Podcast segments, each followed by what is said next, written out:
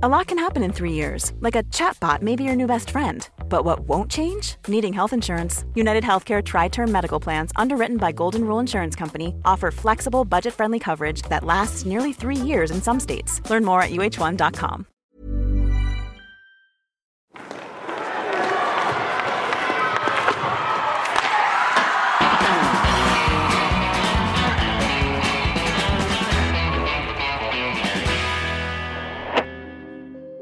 Det ryska ishockeylaget Lokomotiv utplånades i en flygolycka i hemstaden Jaroslav på onsdagen.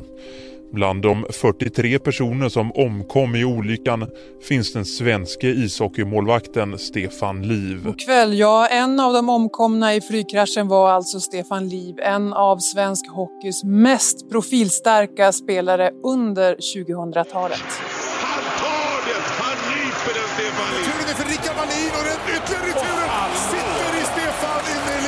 I Ja, det undrar vi också. Hur kunde han rädda? Hejsan alla poddlyssnare och välkommen till ett mycket speciellt avsnitt av, eh, av Hockeystudions podd. I alla fall det ligger under våran vignett. Eh, jag sitter här med eh, HV71-ikonen Johan Davidsson och vi ska under en tid framöver här eh, minnas och, och skrattas och kanske bli känslosamma här eh, gällande eh, Stefan Liv. Det är eh, när vi bandar det här tio år sedan, nästan på dagen tio år sedan som han avled den här tragiska eh, flygolyckan i Ryssland. Och vem är bättre än, än Johan Davidsson och, och minnas Stefan? Vad, vad, hur var din relation med Stefan? Ja, den är väl egentligen ganska svår att beskriva men vi var ju väldigt nära vänner. Eh, vi befann oss, det skiljer några år oss emellan och det var inte förrän när jag kom hem från USA och var 24-25 år som jag träffade Stefan och, och, blev riktigt nära vän. Men det var också för att vi, vi var vi trivdes väldigt bra tillsammans, väldigt olika som människor. Eh, skilde fem år på oss. Ehm, men vi befann oss i samma livssituation kan man väl säga. Där han var lite yngre än mig och, och, och kanske inte hade varit, spelat lika länge. Men vi spelade båda i landslaget, vi spelade båda i HV71 och eh, vi hade väldigt mycket gemensamt och vi var båda ensamstående på den tiden. Och då blir det någonstans när man kunskapen för matlagning och så vidare så slår man sina påsar ihop och går ut och käkar istället. Mm. Ehm, så vi kom väldigt nära varandra ganska snabbt. Mm. Jättekul att du kan vara med oss och, och, och delge en, en, kanske för en del en ny bild av Stefan, men i alla fall en så korrekt bild som det, som det kan vara. Så att man, när man kan lyssna på det här så får man en bild av, av den extremt omtyckte människan och hockeyspelaren Stefan Liv. Eh, han föddes 1 december 1980 i Gdynia, Polen. Och, eh, och enligt Wikipedia då, så, så hamnade han på barnhem, barnhem i Gdansk då, innan han, han blev adopterad av en svensk familj eh, när han var två år gammal. Han hette faktiskt Pat, Patrik, eller Patrik Sliss, Sliss kan man säga. Patryck. Patryck, precis. Bra att du rättar mig där. Då. Mm. Vad, vad berättar om sin barndom? egentligen inte jättemycket om jag ska vara helt ärlig. Eh, han minns inte själv, jätte, minns inte jättemycket. Um, och det tog ganska lång tid innan vi ens kom in på de områdena faktiskt. Um, det var, det var eh, ett känsligt område och inte för att Stefan hade några större problem att prata om det så men han minns inte jättemycket. Han var så ung och så liten. Ehm, men jag vet ju också att han har åkt dit för att kolla och undersöka lite och sådär. Men eh, han hade inte ett, ett jättestort intresse, i alla fall inte från början. När jag lärde känna Stefan så hade han inte ett jättestort intresse av det. Han hade sin, sin mamma här och sin bror som han älskade och... Eh, Anita och Christian. Ja, precis. Så eh, han var egentligen inte sådär jätte, jätteintresserad. Men lite senare i livet där sen så, så dök det upp lite ny information. Då hämtade han igen lite, lite ja. tid. Tror du hans bakgrund präglade honom? För jag minns ju Stefan som väldigt empatisk. eh, eh, lite annorlunda för att han kunde ställa frågan till mig som journalist. Hej, hur mår du? Mm. Och den frågan får vi väldigt sällan. eh, Mm. För att hockeystjärnor och andra idrottsstjärnor är ganska vana att bli intervjuade och man kör på. Men han kunde på något sätt se det här och, och ställa den frågan då. Hur mår du? Så att säga, liksom då. Det tyckte jag alltid var fascinerande. Och det, det var en storhet hos, hos honom att han han var inte snäll. Ja, han var snäll mot alla människor. Är, är det en bra bild av, av Ja, men jag tycker nog det. Eh, framförallt så var han väldigt ärlig. Eh, var han inte glad så, så var han inte glad. Han ställde inte om. Alltså var han inte på humör så, så var han inte det. Och då, då kunde han vara rätt tvär och jobbig att göra med. Eh, om man inte hade tyckt om dig så skulle han kunna vara rätt tvär i sina frågor, eh, svar. Men Jag trodde han tyckte om alla människor. Ja, nej, jo, det, han tyckte om de flesta. Eh, det krävdes nog en hel del, men eh, var han trött? Och nu är jag egentligen så jag hoppar lite för att i, i början när vi eh, var unga och kom upp, då var allting kul och, och roligt. Eh, lite senare i karriären så, så var det inte allt lika kul och roligt och då kunde han vara lite tvär. Ja. Eh, om man tyckte att någon, om man blev eh, illa behandlad eller om det var någon som ville klämma fram någon information som inte han alls ville vara med på. Då kunde han vara ganska tvär. Men annars så var han som en öppen bok. Han, eh, han döljde liksom aldrig sina känslor och det var det jag tyckte var styrkan med Stefan. Han var, han var väldigt ärlig. Han hockeyfostrades i HC Dalen eh, och, och kom faktiskt inte till HV71 förrän eh, ja, sista J18-året. Nej. Eh, och, och jag läste en artikel som Mats Wennerholm hade skrivit, den var ganska tidigt, alltså i, i Stefans karriär. Då berättade Stefan att han själv fick ringa till HV71 och säga hej, ja här är jag, jag spelar Dalen, jag vill gärna liksom komma till er och, och, och sådär. Och då fick han en tryout och det här till slut så ledde ju till att han ja, fick spela med både J20 och J18 där. Minns du när du Alltså första gången träffade honom eller såg honom och sådär? För du är ju några år äldre än vad, vad Stefan är. Mm. Eh, och jag hade ingen aning om just de bitarna som du precis säger. Min första kontakt med Stefan var, då spelade jag i Finland och eh, landslaget skulle komma och spela i Helsingfors. Och jag var ju ändå där och jag ville gå dit och kolla. Men visste du att han tillhörde HV71? Ja, det, det visste jag ju då. Och jag visst, hade väl redan då fått information om att det här är en skön personlighet som, som kommer. Du måste se våran nye målvakt. Vilka Eh. år var det här då? Nu vet jag att du och årtal är kanske inte som Nej. gin och tonic. Nej, precis. Och eh, vad kan det ha varit? Kan det ha varit 97 kanske? 97 eller 98 någonstans där. Ja. Ehm, och i alla fall så går jag dit och så här ser den här matchen och då visar det sig naturligtvis att han ska inte spela, han sitter på bänken. Eh, så man får ju snegla ner i båset. Eh, där är nya HV-målvakten eh, typ. Och jag kände inte Stefan överhuvudtaget. Men sen händer det något i matchen och målvakten som står, kommer inte ihåg vem det var, men han får problem med sin utrustning. Så rätt som det är, tekning i egen zon, så släpps Stefan Liv in. Och han skrinnar rätt ner till målet, ställer sig, gör en räddning och sen åker han och vinkar åt publiken när han åker ut igen. För då är den andra målvakten redo att spela igen. Och det var min första gång som jag såg Stefan Liv. Och då var han så oerhört glad för att han har fått spela en Han landskamp. har fått göra en landskamp. Ett byte gjorde han och han gjorde faktiskt en räddning där och så ja, åkte han precis som han var. Han var ju som en öppen bok liksom. Och han Ja. åkte och gest- gestikulerade och tackade för sig liksom. Ja. Spelade i 25 sekunder kanske den matchen. Vad var det som gjorde honom så bra som hockeymålvakt? Det var hans vinnarskalle. Eh, du måste naturligtvis ha en, en, en viss mått av talang och så vidare men ska man vara helt ärlig så, så vill inte jag säga att det var talangen som tog Stefan Liv dit där han var. Det var hans tjurskalle och vinnarskalle. Ja. Han var en otroligt dålig förlorare. Alltså han hatade verkligen att förlora. Och han... Har du några exempel på när, Ja, om ni har spelat alltså, spel eller om ni har gjort någonting? Ja, spel absolut. Men eh, alltså innebandy på sommaren. Det, alltså, det, gick inte, det gick inte spela innebandy med honom. Han blev...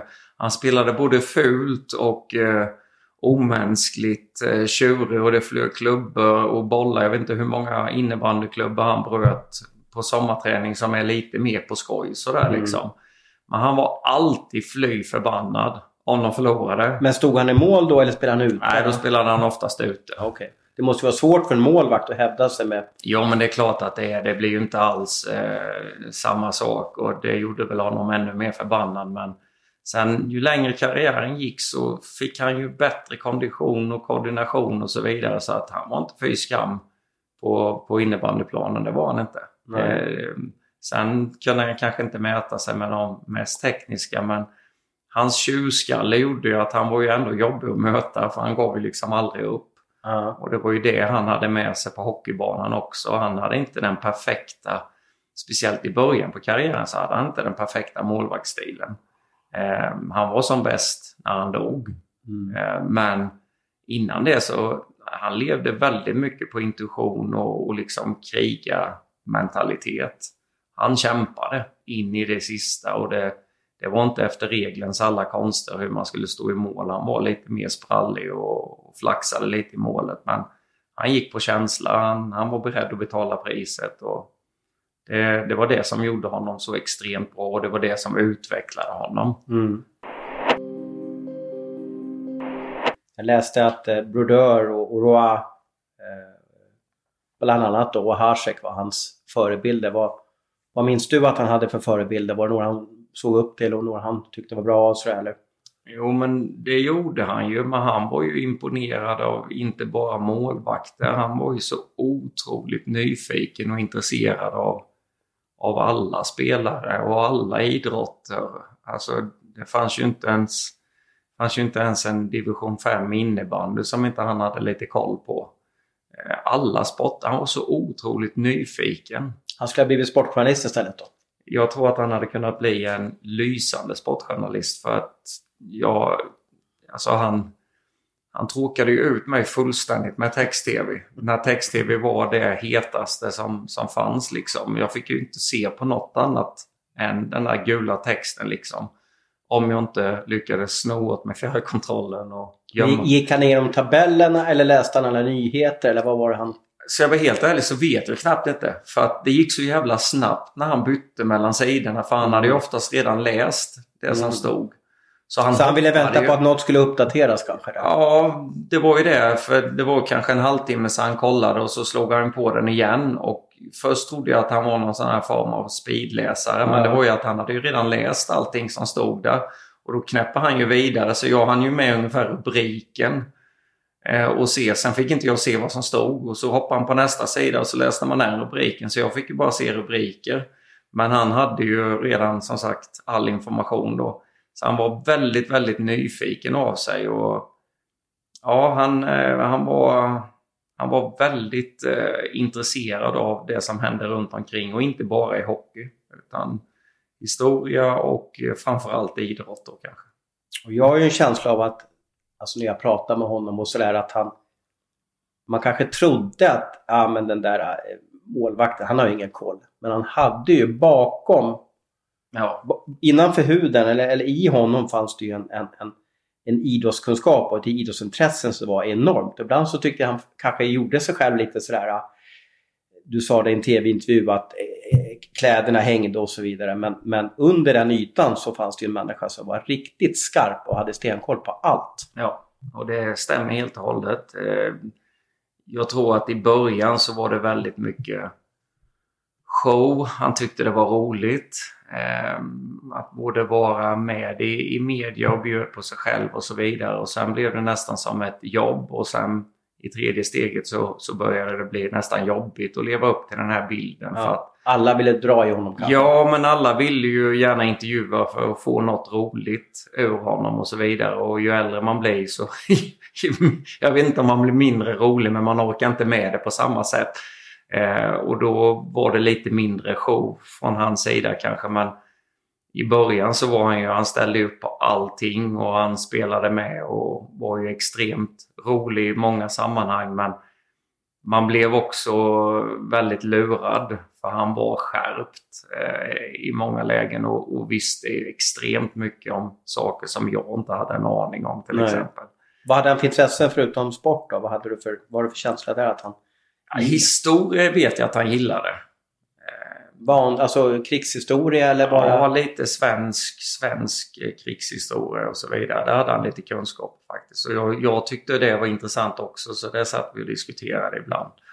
Eh, Men han, han, var, han var en väldigt nyfiken person och det vet vi ju att nyfikna människor de lär sig väldigt mycket. Mm. Det kommer ju naturligt då på något sätt när man har det intresset. Och han var nyfiken på allt kändes det som. Varför hamnade ni i samma rum? Vad var det som gjorde att ni två... För målvakter, i alla fall som jag förstår ibland så vill de ha enkelrum för att inte bli smittade och, och sådär. Och vad var det som gjorde att man satte ihop dig med honom då? För du är ju född 1976 och, och, och han är ju född 1980 då. Så det, som jag säger, det är i alla fall fyra år mellan er. Ja, det var ju rätt stor skillnad. Eh, jag tror att det var livssituationen. Eh, just att han var singel, jag var singel. Eh, vi spelade i samma lag och vi spelade ihop i landslaget. Vi hade så mycket gemensamt på något sätt. Jobbmässigt om man säger så. Men sen funkade vi bra som personer. Jag upplever det som väldigt ordningsam och kanske Stefan Ja. som inte är lika ordningsam. Nej, vi var helt annorlunda där. Jag- var lite mer eh, tråkig och ordningsam och Stefan fick man ju... Ibland undrade man ju hur han hade tagit på sig kläderna för de hängde på trekvart på Ja. honom och han brydde sig inte ett skit om det.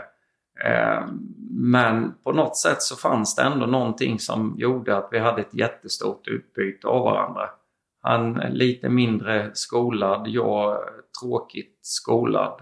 Eh, Och kombinationen blev väldigt rolig på något sätt. Det finns ju någon sån här, man vet ju inte om, om alla stories stämmer. Det finns ju många Stefan Liv-stories. Men om någon fjärrkontroll i en kyl eller frys, vad är det någonting som du har hört talas om? Ja, eh, det var när han bodde i en lägenhet vi kallade för Hotell Ukraina. För vi bodde på Hotell Ukraina i Ryssland och det fanns inte speciellt mycket på det hotellet. Det var basutbudet och hans lägenhet såg ungefär likadan ut. Jag tror den enda fungerande lampan som fanns satt där i taket när han flyttade in och sen hade han en julbelysning som han eh, la ut någonstans där i vardagsrummet för att få lite ljus. Sen var det en soffa och en fin TV Det liksom. låter som en klassisk ungkarlslya. Ja, det var det verkligen. Eh, och i den här lyan så hade han som sagt inte så mycket grejer. Man hade ändå fruktansvärt svårt att hålla koll på fjärrkontrollen och den lyckades ju försvinna då. Och tog tre dagar innan han hittade den och då låg den ju inne i kylskåpet någonstans. Och hur den har hamnat där, det vet inte jag än idag men det var ett jäkla liv om den här fjärrkontrollen för jag har för mig att han beskyllde både den ena och den andra men sen hittade han ju den där inne någonstans. Och jag, jag får bara en bild av att det var inte jättevälfyllt det där kylskåpet heller så att man borde nog ha upptäckt det men han kanske inte var i det kylskåpet på tre dagar. Jag vet inte men oavsett så var det ju en, en sån klassiker som på något sätt målade upp bilden av en slarvig Stefan Liv om man Mm. säger så. Men det var också det som var charmen med honom där för att han var, han var extremt skärpt inom vissa områden. Mycket skärptare än de flesta av oss. Och sen fanns det andra områden som inte var så viktiga för honom och det var hur kläderna hängde på honom Mm. och så vidare. Som jag har förstått det så var det under den här perioden som han valde också att göra ett viktigt beslut i sitt liv. Det var att, att gå från att och, och kanske inte tänka så mycket på, på vad man käkade och så här till att bli ganska noggrann och, och sådär. Är, är jag rätt ute då, du som hängde med honom, att han valde att göra, göra lite förändringar för att bli ännu bättre som hockeymålvakt? Ja, han, någonstans bestämde han sig. Han, han var ganska tydlig med, med sina målsättningar. Han ville bli bättre.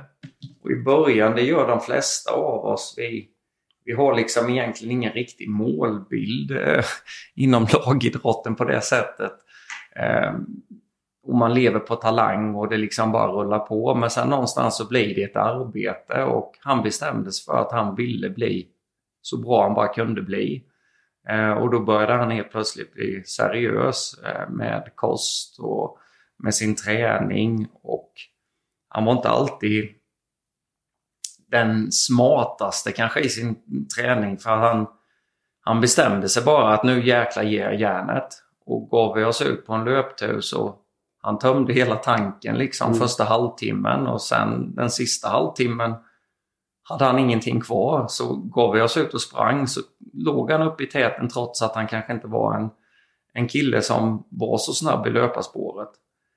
Och så gick han rätt in i väggen mm. och sen fick vi mer eller mindre bära hem honom. Men ju längre han höll på på det här sättet så höll han ju längre och längre in i träningspassen. Och till slut så var han en, en riktigt bra löpare till och med. Mm. Med extremt dåliga förutsättningar egentligen från början. Mm. Och likadant så förvandlades ju hans kropp samtidigt då. Från att vara en talangfull målvakt men lite mullig och lat. Målvaktskropp?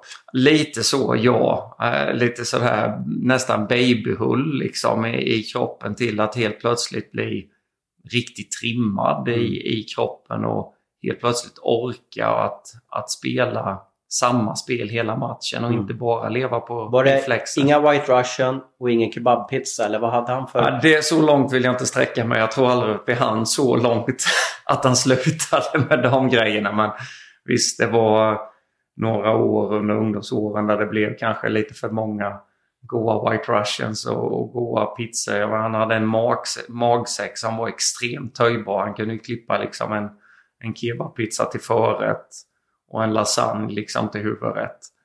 Eh, jag var förundrad över liksom hur, hur mycket han kunde få i den lilla kroppen för han var rätt så tunn. Mm. Men magsäcken var enorm liksom. Han hade stor potential att äta mycket.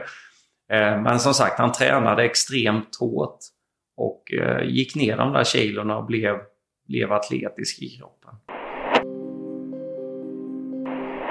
Eh, han blev ju ordinarie i HV71 ja, säsongen 00-01 eh, kan man säga. Spelade alltså 46 matcher. Eh, över 90 räddningsprocent, höll 4 nollor. Han, han, han höll ju nollan extremt många gånger.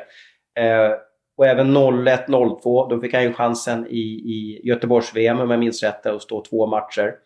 Eh, och sedan var väl på något sätt vad jag minns det stora breaket säsongen 03-04.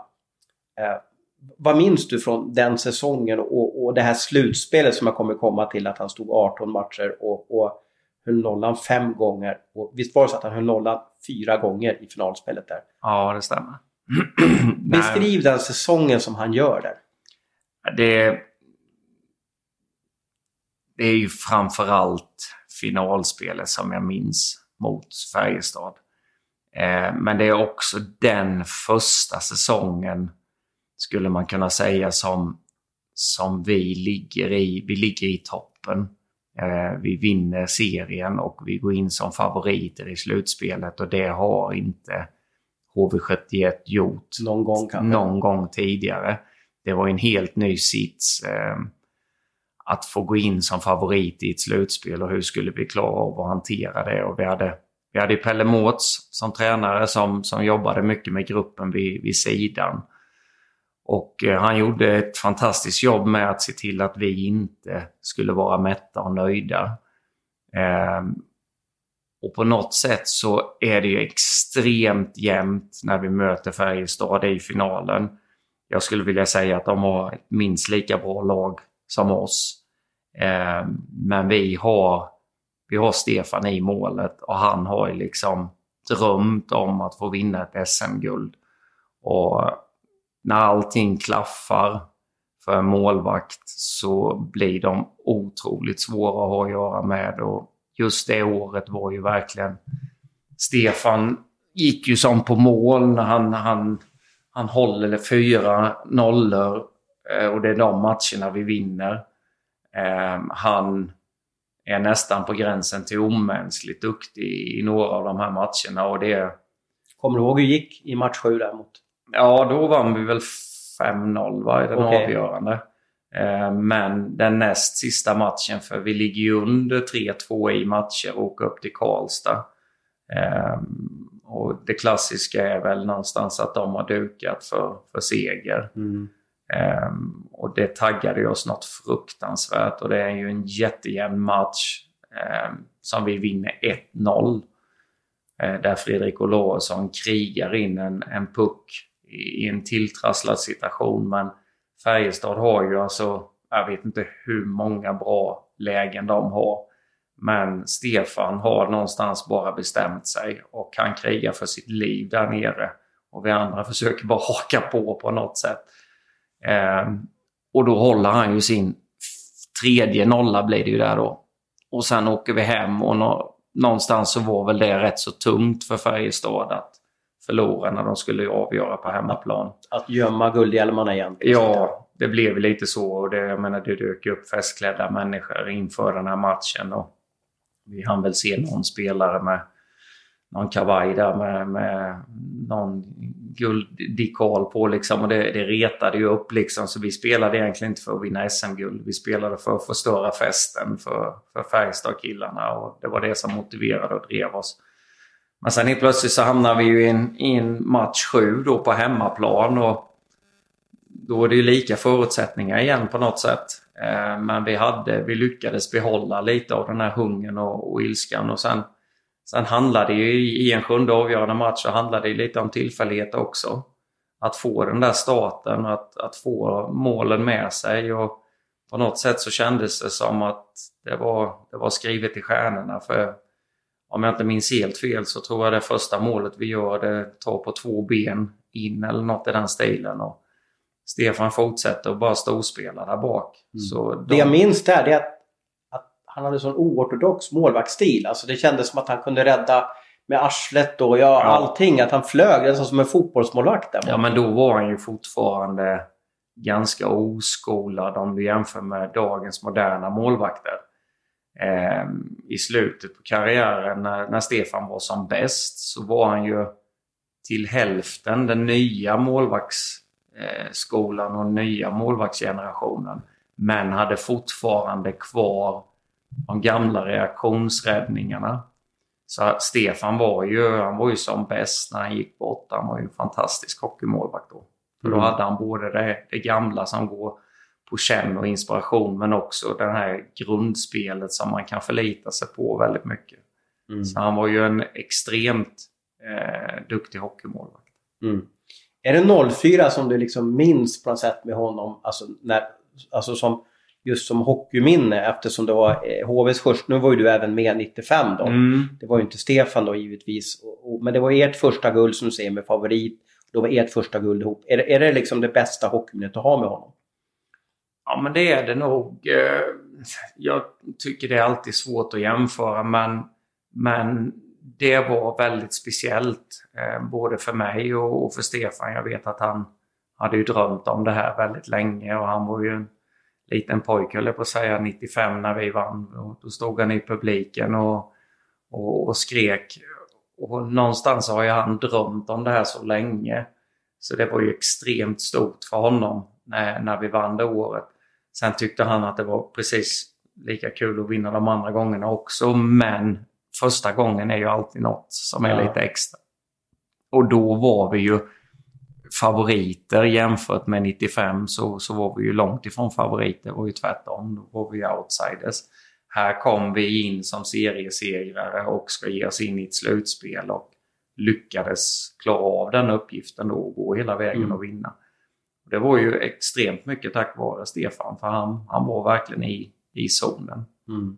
Ni fick ju vinna tre SM-guld tillsammans, är, mm. är det korrekt? Mm. Och som jag förstått det på den här tiden då, det var ju HV, alltså HV var ju en stormakt precis som Färjestad har haft sin dynasti och Djurgården och nu kanske vi är inne i en dynasti där, ja, kanske Växjö på något sätt ligger väldigt långt fram. Och som jag förstått det rätt så var det väl, det var nästan lite krig på HVs träningar. Gav man inte järnet så åkte Petrasek och slog med klubban på, på hälarna och, och Stefan Liv gapa och så vidare. Är, stämmer den bilden att det var en hungrig Jönköpingskärna som, som, som ja. drev något enormt? Ja, men det var det. Eh, och där var ju Stefan högst deltagande i det i och med att han var målvakt. Eh, och det fanns ju inget roligare än att göra mål på Stefan Liv. Liksom. Var, var, han lika bra på träning som på match ibland? Ja, han hade, han hade en vinnarskalle utan dess like. Han hatade verkligen att förlora. Och han, han hade någon inre önskan om att kunna hålla nollan på träning. Vilket Aha. alla som håller på med hockey och speciellt om du är målvakt vet att det är extremt svårt att lyckas hålla nollan en hel träning. Men det drev honom. Mm. Lite som i, i det jag sa med löpningen. Det var inte världens smartaste sätt han gav sig ut på att tömma allt han har när man ska springa lika långt till. Mm. Men det var hans, hans sätt. Han, liksom, han gav järnet, sen, sen sket han i om det inte höll hela vägen.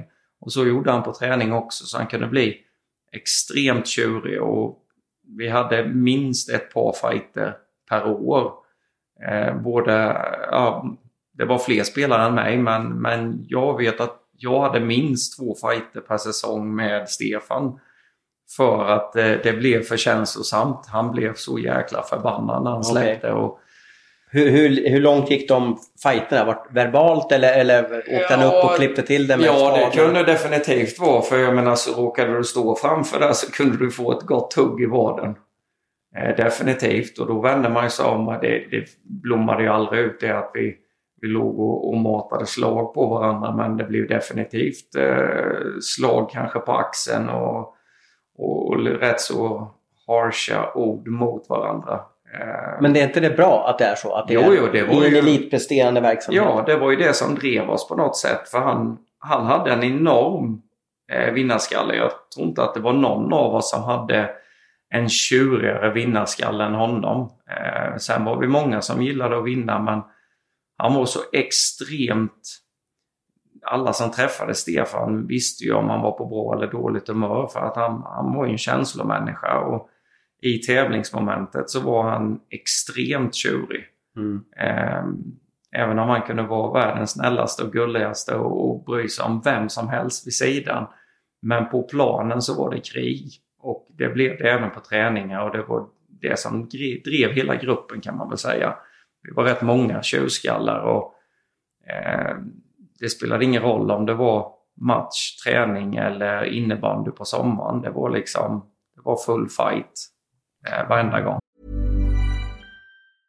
Hej, jag Ryan Reynolds. Recently, I asked Mint Mobile's legal team if big wireless companies are allowed to raise prices due to inflation. They said yes. And then when I asked if raising prices technically violates those onerous two-year contracts, they said, "What the f*** are you talking about? You insane Hollywood ass." So to recap, we're cutting the price of Mint Unlimited from $30 a month to just $15 a month. Give it a try at mintmobile.com slash switch. $45 up front for three months plus taxes and fees. Promo for new customers for limited time. Unlimited more than 40 gigabytes per month. Slows. Full terms at mintmobile.com. Eh, sen hade han ju det fantastiska året eh, 2006 när han både fick vara med om det här otroliga OS-guldet i, i Turin och även sen få vara med om, om VM-guldet där i i Lettland tror jag var, minns. Mm. Han vann ju en dubbel. Eh, han, ni, han ni spela mycket i landslaget ihop, alltså i stora turneringar? Eller vad, vad hade ni för, för minnen där tillsammans? Han, han fick ju oftast, det var ju Henrik Lundqvist som det var den stora ja. på den här tiden, så han fick ju vara lite backup och sådär. Men han var ju ändå med, han var ju ändå rankad kanske topp tre här eh, i, som bland svenska målvakter. Då jag var ju extremt glad för hans skull och samtidigt så var jag ju extremt avundsjuk för han lyckades ju ta sig till OS uh. och eh, bland tre målvakter. Medan jag fick ju tampas med Foppa Sundin och, och de här killarna och hade ju inte en chans att, att, ta mig in så jag fick aldrig förmånen att följa med på de OS. Eh, och samtidigt så var jag ju så jäkla glad för Stefans skull.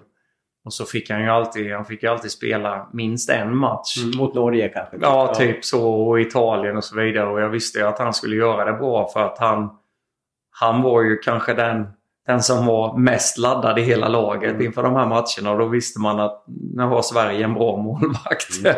När ingen annan kanske är 100% taggad så, så var han det liksom. Och han var ju fantastisk att ha med i en grupp så också.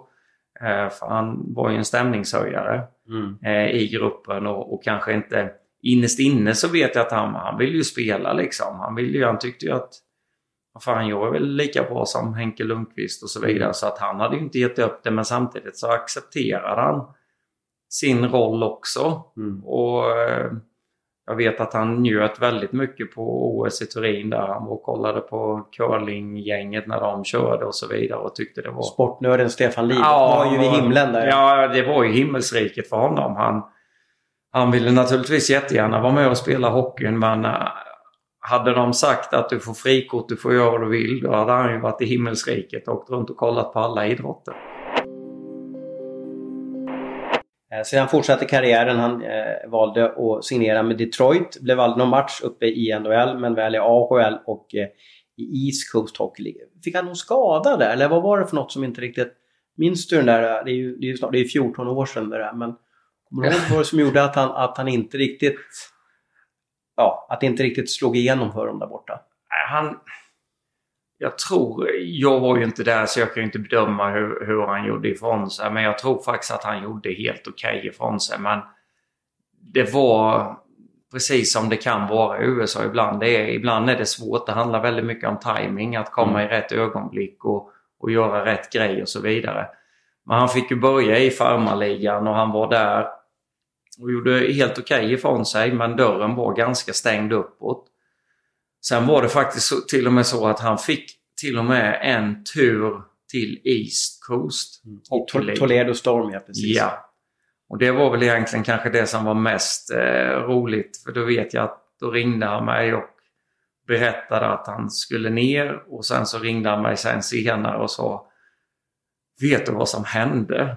Och då var han ju väldigt konfunderad över om han har landat på rätt ställe. För då tyckte han nu är det inte seriöst längre. För då, då hamnade han där och han kom dit och när de skulle ut på isen eller strax innan så frågade tränaren om han kunde, kunde spela ute. Ja. För de, de hade ont om folk. Och det menade han ju på att jag är inte så duktig. Och det, Stefan var definitivt ingen utespelare. Eh, Men då undrade tränaren om man bara kunde spela powerplay i alla fall. Herregud. Han tänkte att ja, men om vi hoppar då 5 mot 5 spelet men powerplay kanske du Nej, jag kan. Jag är, inte, jag är ingen utespelare. Han var inte sådär jättevass på skridskorna. Så då skulle han ju bli, vara målvakt lik förbaskat. Och det var ju hål i isen så de hade ställt ut koner. För där kan man inte åka och så här. Så när han ringde och berättade det här för mig så alltså, jag skrattade ju så tårarna rann. Mhm. Och då var jag väldigt på Stefan och sa att ja, det är klart att du ska ge det chansen men du måste också börja fundera på är det värt det? Eh, för du har ju faktiskt en karriär som, som kan gå åt skogen om, om du håller på och harvar i det här. Eh, och det, det är du alldeles för bra för. Så hur länge ska du ge det chansen för att få chansen i NHL då? Eh, och jag vet att han var, han var väldigt tveksam på slutet hur han skulle göra. Men till slut så valde han ju att, att åka hemåt.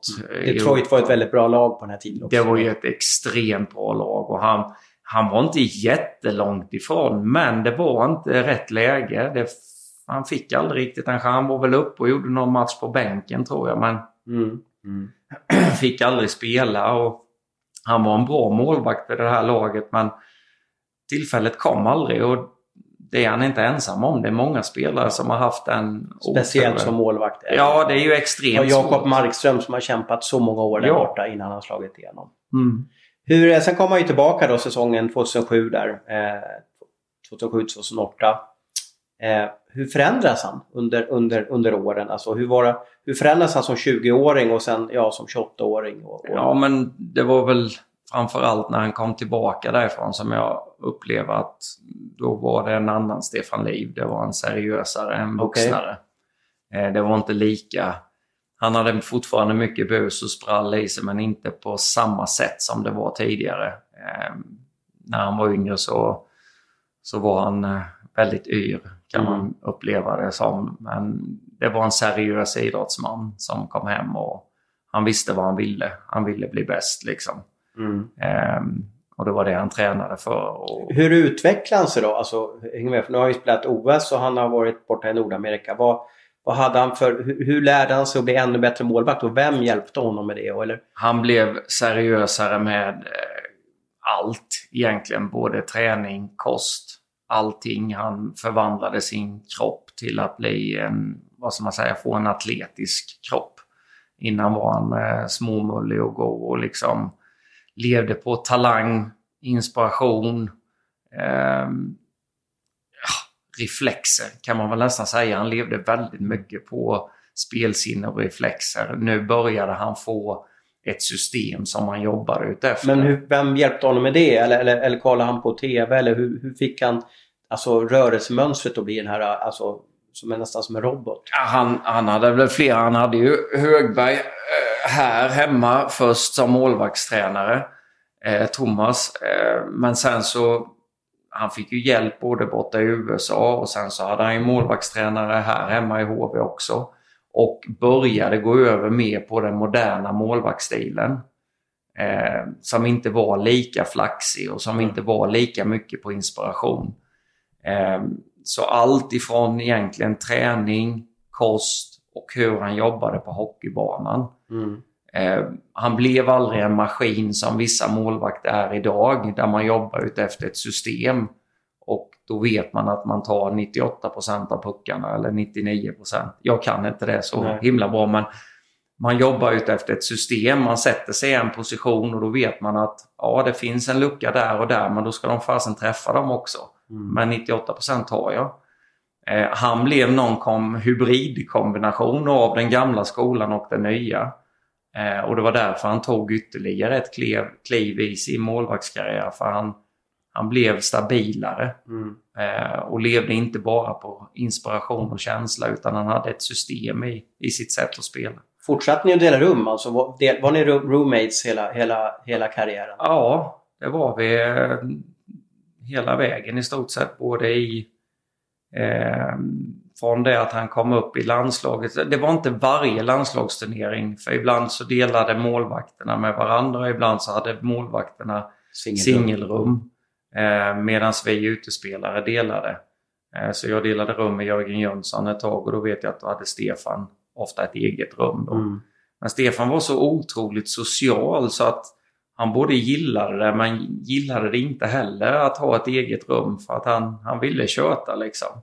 Men sen tror jag han tyckte det var rätt skönt att få sköta text-tvn själv där liksom och inte ha någon annan.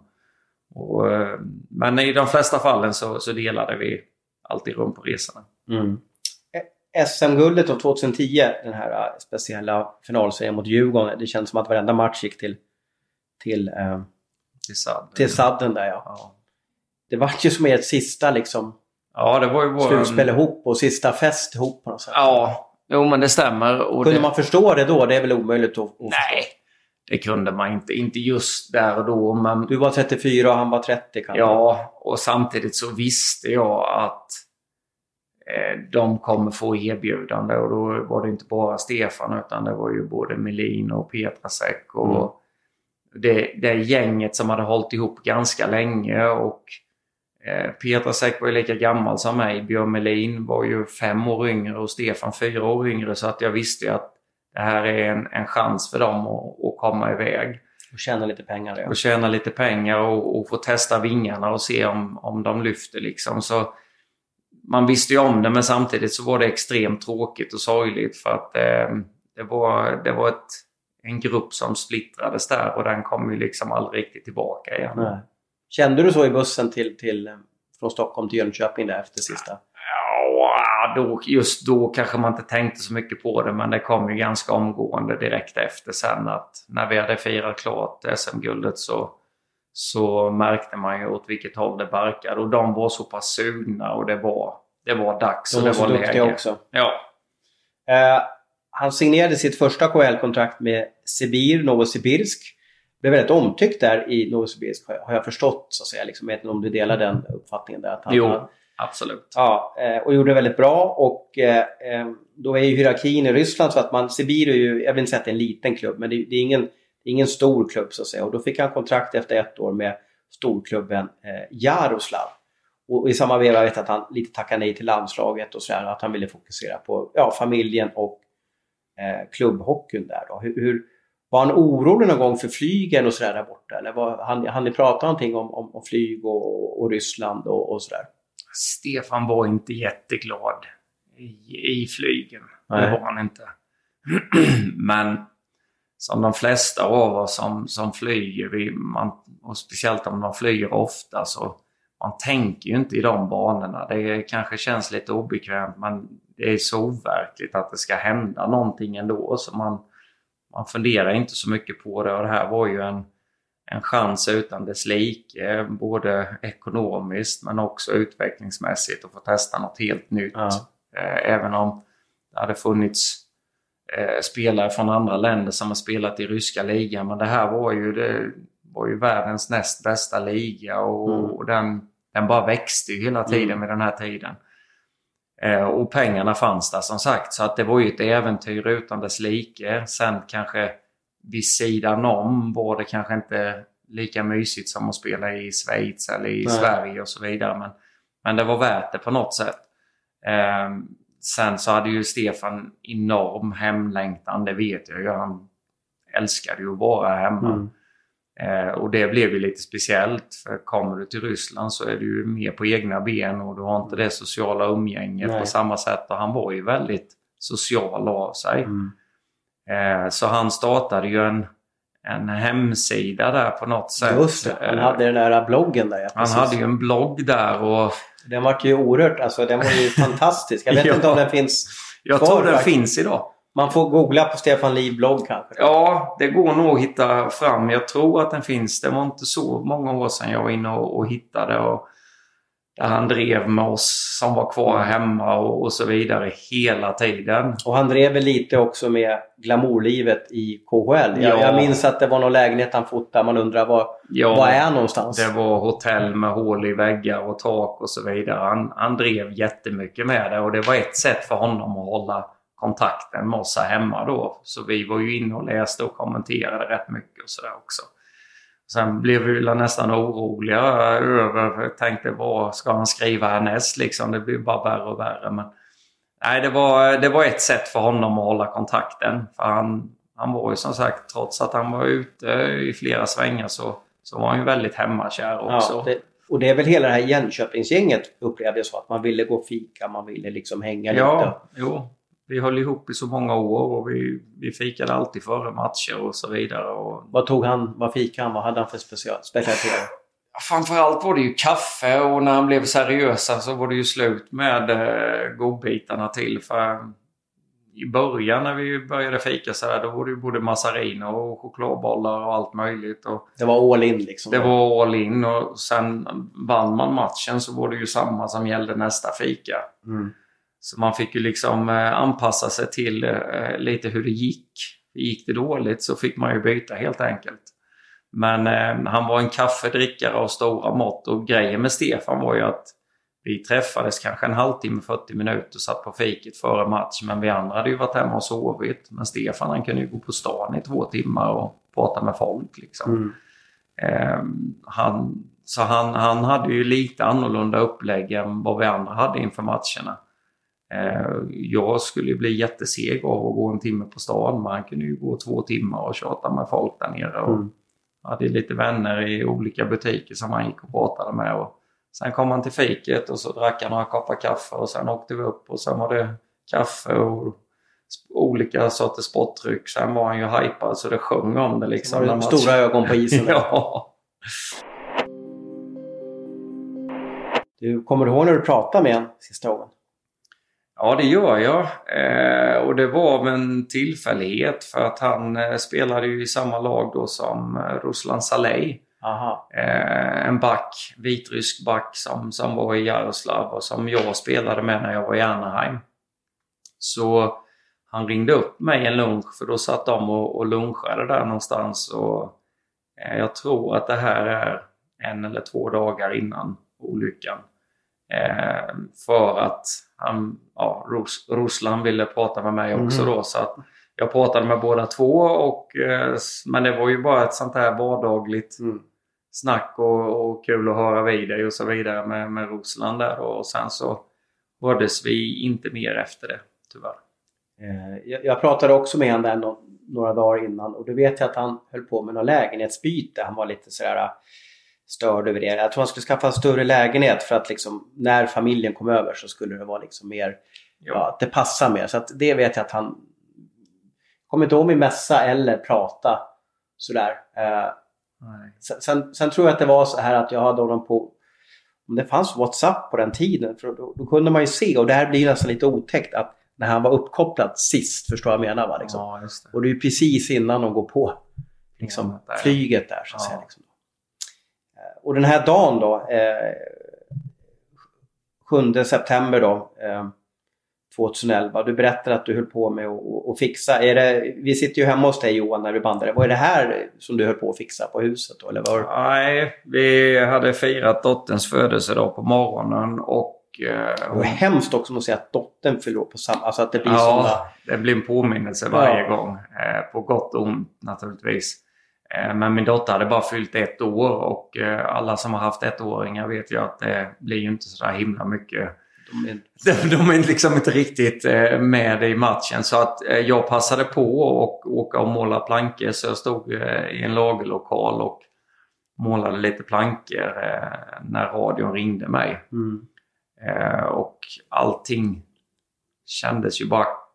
Det blir ju sådär tomt och konstigt Ja, det är ett svårt samtal om radion också. Jag, jag, jag, satt jag tror jag jobbade som nyhetschef på Sportbladet och, och ehm, vi hade det som man kallar förr för TT-printer. Det vill säga förr så matade ut på nästan på en fax när det kom nyheter. Så stod det Reuter eller AP eller alla nyhetskällor kom liksom tillsammans i en samlad lista. Men det här var ju mer att det kom ja, som nyhetsflashar på en datorskärm kan man säga. För det är bara tio år sedan, klart det fanns datorer. Och då minns jag att det stod från ja, om det var AP eller TASS eller vad det kan vara, så liksom airplane crash, eh, crash in, in, in, in eh, eller om det var accident i, i, i eh, Russia då. Sen stod det ju inget mer. Nej. Men jag, men jag minns det där alltså fortfarande att, att det där kom så att säga. Va? Liksom, och, och jag vet inte, man kanske liksom tänker på det efterhand men jag någonting så sa, alltså man, man blir ju så här, oj, hoppas det inte är någon idrottare som jobbar på Sportbladet. Men sen så börjar det här komma mer och mer. Det, alltså det, det, det är ju som en dramaturgi i de här äh, flasharna som kommer liksom och det står mer och mer. Och, och sen så kommer ju det här förödande och jag vet inte hur lång tid det tog att det var Jaroslav som var inblandad i det där. Eh, och det visar ju sen till slut att det var eh, i stort sett hela laget. Eh, det var bara en eller två personer som överlevde den här kraschen och det visade sig att det var något fel på det här eh, flyg, flygplanet. Då. Hur, hur, hur, vad hände i Jönköping under de här timmarna? Vad hände i ert gäng? Och vad, vad, vad, vad hände? Om du beskriver det här. Eh, nej, men någonstans efter det här samtalet med, med radion så, så vart jag väl... Man, man, man visste ju egentligen ingenting. Och någonstans så lever man ju i någon konstig förnekelse också då. Det finns ju ingen anledning till att Stefan inte skulle vara med på planet. Men man lever ju i tron om att han kanske inte var med. Eh, vi visste ju inte om hur allvarligt det var, om någon eller några eller om alla hade överlevt. Det, det visste vi inte, visste inte jag då i alla fall. Informationen jag fick från radion var att ett plan har, har stöttat och det sägs vara eh, Jaroslavs hockeylag som var med på det här planet. Och I och med att jag hade pratat med Stefan ett par dagar innan så innerst inne visste jag ju att det inte var något fel på honom och jag visste att han var första målvakt och, och De skulle åka till premiären tror jag. KHL, Ja, ja. I, i Minsk Mm. tror jag det var de skulle flyga till. Och, ehm, det fanns ju egentligen ingenting som sa att han inte skulle varit med på planet. Men- Mässade honom eller gjorde, vad, vad gör man? Ja, jo, jag mässade och jag försökte nog ringa men å andra sidan så, så inser man väl snabbt att om han är med på planet så, så kommer han ju inte förmodligen kunna svara nu oavsett om han har Man hade ju gärna velat hört att han svarade. Man röst. hade ju så jättegärna velat få ett svar att det är okej liksom. Men, men det fick vi ju inte. Och telefonen gick väl flera gånger som man ringde och försökte få kontakt liksom. Men vi samlades ett, ett gäng hemma hos eh, Stefans familj. De var hemma fortfarande. Ehm, och eh, sen var vi där i stort sett hela dagen. Eh, där vi bara gick i ovisshet. Det måste ju vara hemskaste timmarna man varit med Ja, det var, det var ju liksom fruktansvärt och vi var, vi var ganska många som var där och jag vet inte. Och man måste ju visa sig stark också. Ja, på något sätt. Eh, Och jag menar, Stefans barn eh, var ju också där och undrade väl vad det här är för kalas liksom. Ja, varför är alla så tysta för? Ja, och jag vet att jag var ute och, och lekte med, med barnen och spelade fotboll och alla möjliga grejer och sen började vi bli hungriga och så åkte vi och hämtade mat. Jag och Stefans bror åkte och hämtade pizzor och, och lite sådär. Och det var inte förrän senare på kvällen, jag kommer inte ihåg exakt när det var, men och då hade väl någonstans poletten trillat ner för vi får inte tag i Stefan. Eh, kan bero på många grejer. Dels är det i Ryssland och telefonen kan ju ha gått sönder eller vad som helst. Man försöker hitta ursäkter hela tiden. Men när polisen kom och knackade på dörren då fattade vi ju att, mm. eh, att eh, det här är inte bra liksom. Och det var väl först då som man började inse att Stefan är med i, på planet, eller var med på planet och eh, han lever inte längre. Eh, och det var väl först då man, man rasade liksom. Eh, för innan dess så, så lever ju hoppet och sen finns det någon konstig försvarsmekanism som säger att det kan vara fel. Mm. Så det tog väl ytterligare lite tid. Men det var, nej det är definitivt ett av de absolut värsta och obeskrivliga timmarna i, i, i livet liksom. När man går i, i väntan på att få svar och det tog sån tid. Det ska ju vara, de ska ju... Det ska ju vara bekräftat. Ja, ja. Man kommer ju inte med ett dödsbesked. Och sen ska man veta också att i en flygplanskrasch kanske... Alltså ja, man vet ju inte hur... Du går inte ut med någonting förrän man vet 100% liksom. Ehm, så att nej, det var, det var fruktansvärt på alla sätt och vis och det var de tyngsta dagarna i mitt, i mitt liv eh, där och då. Eh, definitivt. Eh, som kom efter det också. Då. Mm. Har det gått tio år. Hur har HV71 förändrats under den här perioden? Ja, det var ju ett enormt arbete som, som gjordes i HV just där och då när det hände. Eh, sen tror jag att det har satt Stefan har satt ett avtryck i föreningen för, för evigt så att säga. Eh, Hur menar du då? Att det här gör man för att lyckas? Man jobbar så här hårt för att lyckas? Eller, eller... Ja, men just dels för personen han var. Eh, dels för spelarna han var. Eh, han satte lite rekord och grejer och han stod för någonting som var ganska ovanligt. Han hade en vinnarskalle utöver dess like och så vidare. Och sen blir ju allting med tiden blir ju allting eh, nästan som en myt så att säga. Men, men vi som var där och, och såg och, och kände honom vet ju att det, det stämmer liksom. Det var en tjurskalle utan dess like. Um, så väldigt mycket kan jag tycka i alla fall eh, minns man idag med positiv känsla. Mm. Eh, även om det var extremt tuffa år eh, just efter det hade hänt så, så var det, det, var, det var tufft. Och det är det för vem som helst när man förlorar någon man bryr sig om och tycker mycket om. Det är ju så overkligt på något sätt.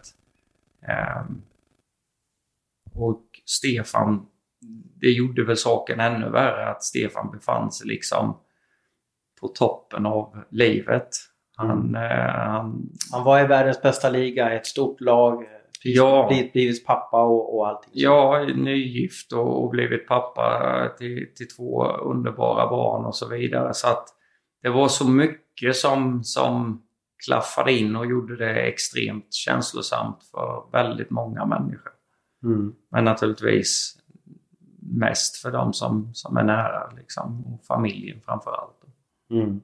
Hur har du förändrats då under sedan han lämnade oss? Ja, på många plan skulle jag nog vilja säga. Jag försöker, sen är jag människa och glömmer och ibland får man påminna sig själv. Men, men just små problem. Vem tömde diskmaskinen? Vem eh, tvättade senast? Och så vidare och så vidare. Du bryr dig inte om sånt längre? Liksom. Eh, jo, emellanåt. Eh, men inte alls på samma sätt som man, alla ilandsproblem som man tyckte var usch vad jobbigt. Och sen så nu så tycker jag inte att det är så farligt längre för det finns saker som är extremt mycket värre. Mm. Um, det förändrade definitivt mitt, min, mitt synsätt på, på livet. Absolut.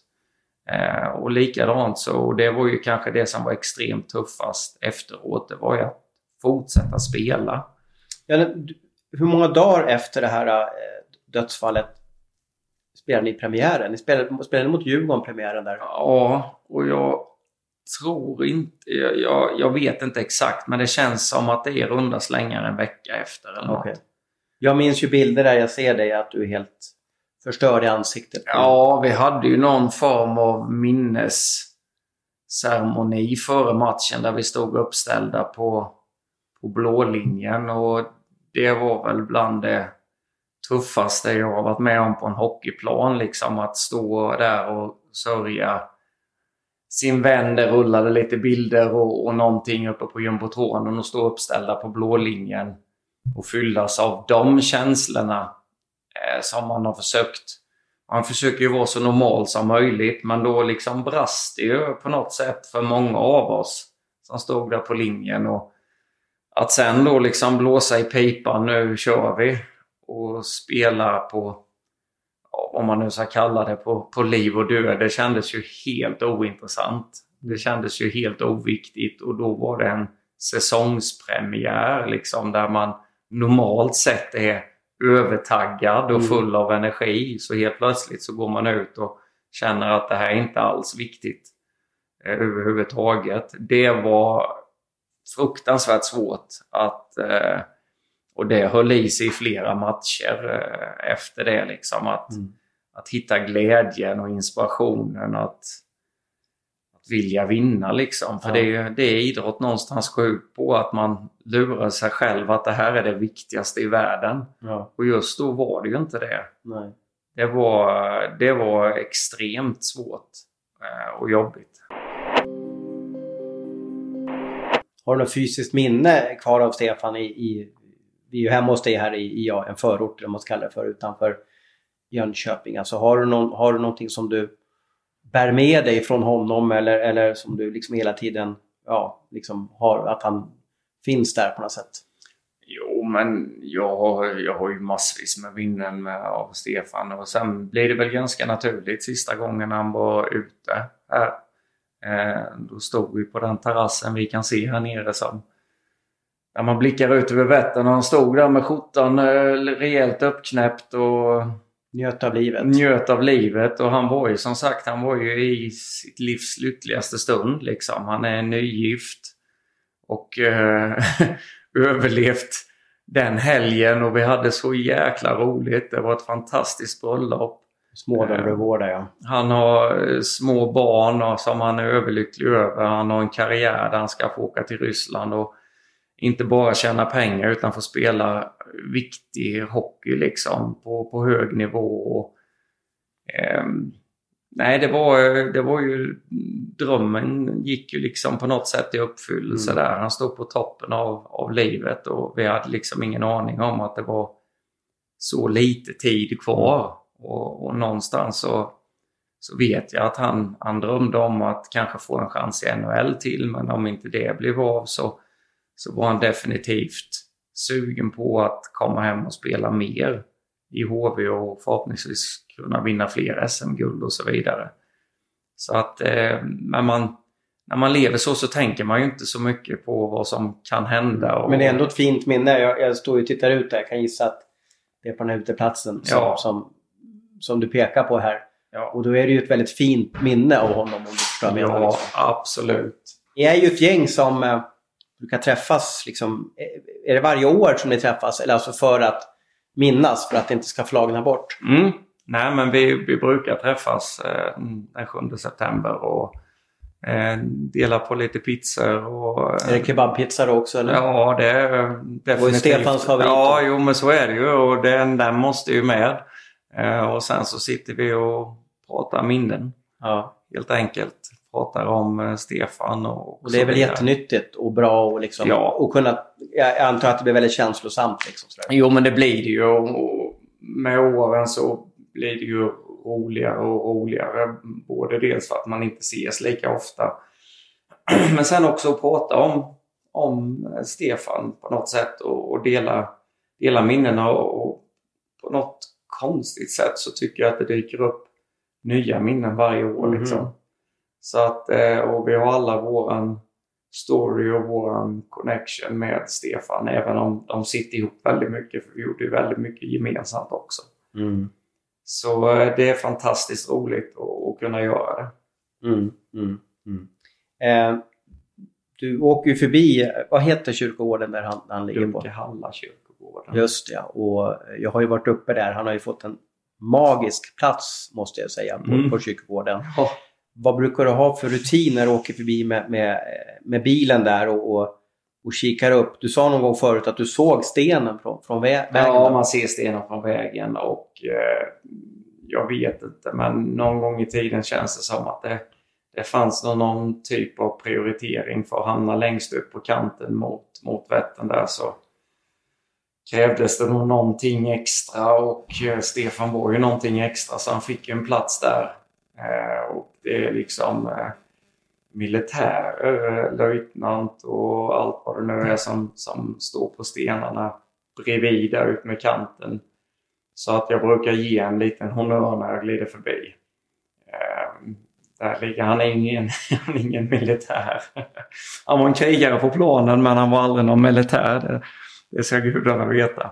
Han var rätt oduglig på, på eh, vad heter det, paintball och sådana Ja, grejer. ja. Han sköt nog med sina egna medspelare än vad han sköt motståndare. Men, eh, det har jag lite som rutin att jag, jag slänger iväg en honnör varje gång jag åker förbi.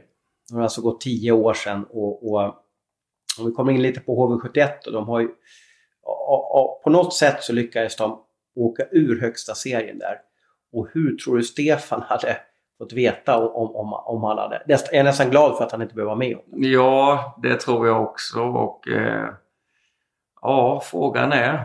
Det går ju alltid att säga om saker och ting fram och tillbaka men han hade inte tyckt att det varit speciellt bra. Han hade nog haft väldigt mycket åsikter om eh, allt skulle jag tippa, för det hade han. Han hade alltid åsikter om mycket. Eh, speciellt inom eh, idrotten då naturligtvis. Eh, och sen så, vem vet? Han kanske hade spelat i HV då, vet i Mm. fasen. Hade, att- hade HV åkt ut då? Nej, jag tror inte det. Inte med honom i laget. Eh, Han kanske hade kommit hem till den här säsongen och spelat upp dem. Ja, det hade också varit ett sånt där drömscenario faktiskt. För jag vet att han, han vill ju jättegärna avsluta karriären i HV igen. Sen visste ju han precis som alla andra att man, man vet ju aldrig vart karriärerna tar vägen. Och det Mm. kanske dyker upp något annat så kommer man aldrig, aldrig mera hem. Men han var väldigt hemmakär och han, ja, han älskade verkligen HV71. Eh, Jag tänkte att jag skulle få några slutord från dig och det är om, om man sitter och lyssnar på det här och kanske liksom vill få en sammanfattning hur, hur han var som människa. Hur, skulle du beskriva för honom för någon som aldrig har träffat honom? Du har gjort det lite tidigare men jag tänkte att du skulle få ett fint, fint Mm. avslut på den här podden. Stefan var en varm, en varm människa. Eh, han var som en öppen bok och det, jag tror att det var därför han var så omtyckt. Man, man fick alltid träffa Stefan Liv på gott och ont. Eh, var han tjurig så märkte man det. Och, men för det mesta så var han glad, eh, intresserad. Eh, inte bara den som pratade om sig själv utan han, han lyssnade. Eh, och han särskilde inte på någon. Alltså det spelade ingen roll om du var chef för Volvo eller om du jobbade på, på bandet på fabriken. Det var lika mycket värde liksom för honom. Eh, och jag har ett sånt fantastiskt exempel med Stefan och det är när vi är nere efter en säsong. Jag vet inte vilket år det var, men vi är nere i Spanien. Det är i maj någon gång så att det är inte jättevarmt i vattnet. Var det en golfresa efter eh, Ja, det var väl typ? mer en avslutningsresa. Okej. Jag vet inte om det var så mycket golf, men vi är trötta för vi har varit ute kvällen innan och vi går ner till stranden och lägger oss och det är ganska blåsigt så att det är mer bara vi turister som går ner till stranden den här dagen. Och Stefan vadar ut lite trött i vattnet för att känna på det och står med vatten upp till knäna nästan när vågorna slår in lite så här för det är rätt blåsigt också. Och rätt som det är så drar han nu händerna ur fickorna det flyger iväg för då har han ju euros sedlar i fickorna och de flyger iväg i vinden och landar ute i vattnet. Men han, lite tålmodig och trött som han var, så han står egentligen bara och väntar på att de ska blåsa in igen mm. pengarna. För det ligger 50 euros och 20 euros liksom flyter runt och vi skrattar ju så tårarna rinner liksom. Och precis när pengarna börjar närma sig då kommer en kille och går förbi Stefan. Och det är en kille, en spansk kille med down syndrom. Som går rätt förbi, han stiger rätt ut i vattnet och när han ska dyka i så upptäcker han att det kommer pengar i vattnet. Och han hugger ju varenda sedel som ligger där och flyter. Och det, är, alltså det är säkert 100-150 euro som ligger där och flyter i vattnet. Och han lyfter upp de här mot himlen och river av en spansk remsa utan dess like. Och Stefan står bara och tittar. Han blir helt liksom tagen av situationen och att faktiskt någon har gått ut i det här kalla vattnet och tagit hans pengar och han är helt överlycklig. Och han, han har bilden av att det, det har liksom flytit in pengar från havet. Och han springer upp mot att Äntligen sin... sker det ja. Ja, äntligen sker det liksom. Han springer upp med armarna i luften till sin handledare som är med där och pratar ju bara spanska. Det går så fort. Och efter en stund så säger ju vi något i stil med att nej, men nu måste vi ju hjälpa Stefan liksom. Och då vänder sig Stefan bara om och säger nej, det är lugnt, det var det värt, säger han. Liksom. Ja. Och det är för mig en, en bild av, av Stefan. Liksom. Han, han hade inte hjärta att tala om för den här killen att de här pengarna kom från min ficka. De, de kom inte från Gud. Han var så jävla lycklig för han hade hittat de här pengarna ute i vattnet. så att det var värt det liksom. Det, det kostade 1500 spänn för, för Stefan. Men han hade ett extremt stort hjärta och eh, speciellt för dem som inte, som inte var lika lyckligt lottade liksom. Ehm, och det var, det var någon, någonting som var en stor styrka hos Stefan. Han, han kunde vara extremt ego när det kom till tävling och så vidare för han, han ville vara bäst. Eh, och han hatade att förlora. Men han hade ett extremt stort hjärta för alla människor runt omkring sig. Och jag tror att det var det som gjorde honom så otroligt populär. För man, man såg den riktiga Stefan hela tiden. Det, han, han, hade, han hade inte riktigt förmågan att dölja, att vara diplomatisk. Utan han var antingen jätteglad eller jätteförbannad. Det fanns inte så mycket däremellan. Jag tycker det är ett fantastiskt minne och, och, och fina eh, avslutande ord. Och, och, tack för att du var med Johan och så vill jag tacka alla som har lyssnat eh, på det här. Och, och kom ihåg att googla på Stefans Livs blogg. Eh, kommer inte ihåg exakt men jag tror det räcker med de orden så, så får ni en liten bild av, av, av hur Stefan var som människa.